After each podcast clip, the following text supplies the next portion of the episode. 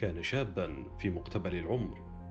درس الكيمياء ونال الدكتوراه في الكيمياء الحيوية عام 1973 اشتغل في الجامعة ولكنه مل وزهق. ولذلك قرر أن يعمل في فرن للمعجنات والمخبوزات قرب الجامعة. وفي أحد الأيام خطرت له فكرة. فقام بتخميرها وعجنها وخبزها لمدة عامين على نار هادئة هذه الفكرة ما تخطرش على بال حد وهي أن يخبز DNA بالفرن لعمل نسخ كثيرة منه. عن DNA وال PCR وتصنيع الأنسولين من الكلاب أهلا بكم في بودكاست تغذية بالعربي وحلقة جديدة. جهزوا فرنكم.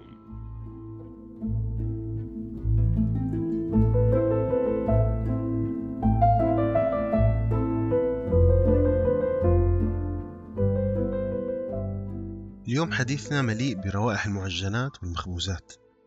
ورح نحكي شوية قصص ممكن الكل بيعرفون ولكن أنا بحب كرر المكرر لعل حدا يستفيد. بلشت القصة مع شاب ولد عام 1944 أمريكي طبعا. اسمه كاري مولر الشاب هاد كان عادي جدا وما في أي شيء مميز بحياته. درس كيمياء وبعدين درس دكتوراه بالكيمياء الحيوية. وكان كاري بيشتغل بجامعة بعد الدكتوراه. ويبدو إنه مل من الشغل بالمخبر فقرر أخونا يشتغل بمخبز قريب من الجامعة. في أحد الأيام مدري الليالي الملاح خطرت له فكرة ما تخرش المية. وهي إنه يخبز ال DNA ال DNA هو كتاب موجود بكل خلية من خلايا جسمنا. تخيل شكل ال DNA تبعك مثل السلك تبع التليفون القديم. هذا الحلزونة. كمان تخيل إنه أصلك وفصلك وأمراضك وسلطاتك وبابا غنوجاتك كلهم موجودين بهال DNA وهالكتاب اللي هو ال DNA كتير مميز ومهم. فبتلاقيه محفوظ ضمن أسوار وغلاف جوا الخلية. محمي يعني. طب خليني آخذكم هلا لفكرة تانية. إحنا لما بنقلي البيض البيضة هي بروتين. لما بنحطها بالمقلاية على حرارة ستين وفوق بنلاقيها تخربت وتغير شكلها. فصارت بيض مقلي مثلا.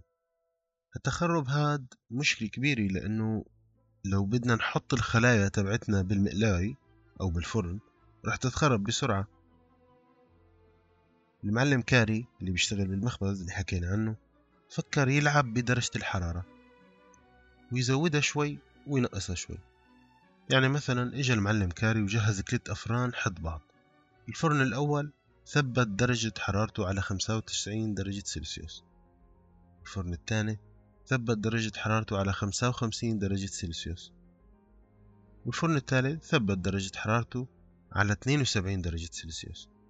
نرجع مرة تاني لنركز. ثلاث أفران جنب بعض كل فرن له درجة حرارة معينة.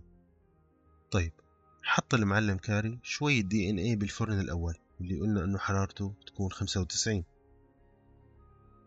وإذ بلاحظ إنه ال DNA تغير شكله ولكن ما تخرب بل هو بس إنه انفصل السلك عن بعضه. يعني لو اعتبرنا سلم اللي بنطلع فيه درجات انفصل السلم بالنص انقص وصار كل قسم لحاله بعدين بيجي المعلم كاري بياخد هالدي ان اي اللي هو انفصل عن بعضه صار مثل السلم مقصوص بالنص وبينقله وبياخده للفرن الثاني اللي حرارته 55 درجة سلسيوس بيحط شوية أسس أزوتية اللي هي اسمها nitrogen bases بلاحظ شي غريب إنه كل درجة من درجات السلم المنفصل اللي حكينا عنه بتاخد أساس أزوتي وهذا الأساس الأزوتي بيلتصق فيها. شي عجيب صراحة. وآخر شي بيشيل هالخليط وبيحطه بالفرن الأخير اللي قلنا درجة حرارته 72 درجة سلسيوس. وبينتظر شوي. وإذ بيطلع عنا آلاف النسخ من ال DNA الأصلي. طبعا هون في عنا مقصات ولزق أو لاصق. بنستخدمهم للقص والتلزيق وبنسميهم عادة إنزيمات. القصة الطويلة هاي بتاخد معك حوالي الساعة على أقل تقدير. وهيك بيطلع معنا كتير من النسخ من ال DNA طبق الأصل عن النسخة الأصلية. طيب هلأ قبل فكرة المعلم كاري كان الموضوع بياخد تقريبا ستة أشهر لتصنع نفس عدد النسخ اللي بيعملون كاري بساعة واحدة مشان هيك لجهوده العظيمة هاي أعطوه جائزة نوبل عام 1992 وسمى طريقة الخبز تبعته هاي بال PCR إيه هي نفسها اللي بنستخدمها هلأ لنتأكد إنه معنا فيروس كورونا أو لأ. نفس الطريقة نجيب swab أو قطنة بالمريض وبنحطها بال PCR وال PCR بقى شو بتعمل؟ نسخ كتيرة من ال DNA اللي حطيناه نحن. وبالتالي نحن هيك بنعرف إنه هذا الترتيب تبع السلم هاد هل هو لفيروس كورونا أو لغير فيروس كورونا. خليني هلأ أقفز معك لفكرة تاني لسه أحلى وأحلى. بس خليني أرجعك لعام 1921 قبل هالعام كانت الناس اللي بيتشخص منهم مع مرض السكري النوع الأول بيموتوا بعد سنة أو سنتين بالكتير. وهالشي لأنه البنكرياس بيكون متعطل. والبنكرياس فينا نشبهه مثلا بدكان صغير بيعمل صب للمفاتيح يعني بينسخ مفاتيح. والمفاتيح اسمها إنسولين. المهم المهم طلع إنه اللي معهم السكري نوع أول بيموتوا لأن البنكرياس تبعهم ما بيقدر يصنع مفاتيح يلي هي الأنسولين. طيب وقتها كان في شاب بكندا اسمه فريدريك بانتينج فكر بأنه يجيب كلاب ويعطيهم شوية سكر وبعدين يفتح بطنهم و... وهن لساتهم عايشين يعني ويفتح البنكرياس تبعهم ويجمع هالمفاتيح اللي هي الإنسولين. فعلا زبطت الفكرة. طلع معه شوية مفاتيح ولكن عددهم قليل وما ظرف كتير. معكرين شوي فينا. طبق هالفكرة هاي بعدين على العجول الصغيرة وعلى الخنازير. قدر يحصل على كمية جيدة من المفاتيح. وبلش تصنيع الإنسولين تقريبا بكميات كبيرة لأول مرة بشركة اسمها إيلي ليلي اللي هي شركة معروفة هلأ بتصنع أدوية.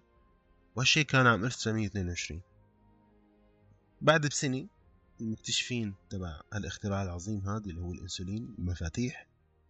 أخذوا أكيد جائزة نوبل. وصارت الشركات بعدها تتأتى لتستخلص وتصنع الانسولين. ولكن في مشكلة صغيرة كان إنه الانسولين هذا حيواني. ما نقي كتير وممكن يعمل حساسية. بقيت البشرية هيك تستخدم الانسولين اللي جاي من الحيوانات لتقريبا الثمانينات وقتها قدروا العلماء يلاقوا الجين البشري أو قطعه من ال DNA اللي هي مسؤولة عن تصنيع الإنسولين. متذكرين الكتاب اللي حكينا عنه ال DNA هذا هو. لقوا الجمله المسؤولة عن تصنيع الإنسولين. مهم العلماء قدروا يعزلوا هالجين وجابوا بكتيريا من البراز اسمها Escherichia coli أو E. coli وفتحوها وجابوا مقص أنزيم يعني وقصوا ال DNA تبع البكتيريا. ولزقوا الجين اللي أخذوه من البشر وهو قلنا مسؤول عن تصنيع الأنسولين. طبعا رح يحتاجوا للزق لحتى يلزقوا هالجين وفعلا لقوا لزق قوي ومنيح واسمه ligase وبعد هالعملية الدقيقة رجعوا ال DNA لبطن البكتيريا وحطوا البكتيريا بوسط مغذي. فيه شوية سكر على شوية بروتين وشوية فيتامينات. وهنا كانت المفاجأة إنه البكتيريا صارت تقدر تصنع الأنسولين. وما أي أنسولين ها؟ هذا أنسولين نخب أول بشري ظريف وفعال وما بيعمل حساسية كتير وهذا هو الأنسولين اللي بنستخدمه حاليا لمرضى السكري النوع الأول. وطبعا مكتشف هالطريقة شو بده ياخذ بالآخر؟ نوبل. ما في كلام. طيب خلونا نلخص وننهي هالقصة المعقدة صارت. نبلش بالشاب الأمريكي الخباز اللي اسمه كاري مولر. كاري مولر قدر يعمل جهاز صغير اسمه PCR هذا الجهاز بيخلينا نعمل نسخ كتير من ال DNA بظرف ساعات. وهو يعني مثل إنه فرن صغير تمام؟ هذا اسمه ال PCR وهذا كمان مثل ما قلنا إنه بيقول لنا إذا الشخص مكورن ولا ما مكورن يعني عنده فيروس كورونا ولا لا.